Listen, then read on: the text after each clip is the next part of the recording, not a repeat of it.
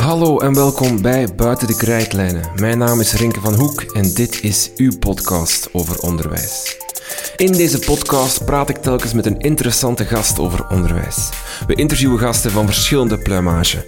Van de grote baas van de onderwijsinspectie... Eerste verantwoordelijke staat in het decreet voor de onderwijskwaliteit, dat is de school zelf. Tot de leerkracht zelf. Als je zelf materiaal maakt, dat je daar misschien nog harder bij stilstaat dan wanneer je gewoon een handboek en denkt van oh, dit lesje ziet er leuk uit, dat sla ik over. We praten over centrale examens. Dat er af en toe eikmomenten zijn met gestandaardiseerde testen, dat je eventjes weet van, kijk, waar staan mijn studenten nu ten opzichte van de doelen die bijvoorbeeld van de overheid opgelegd worden?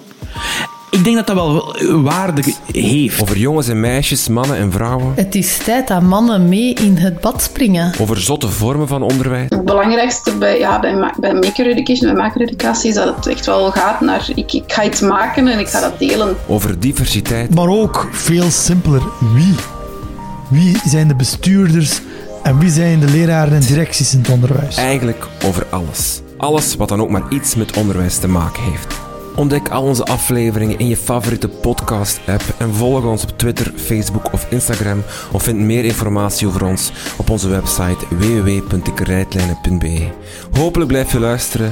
Tot de volgende.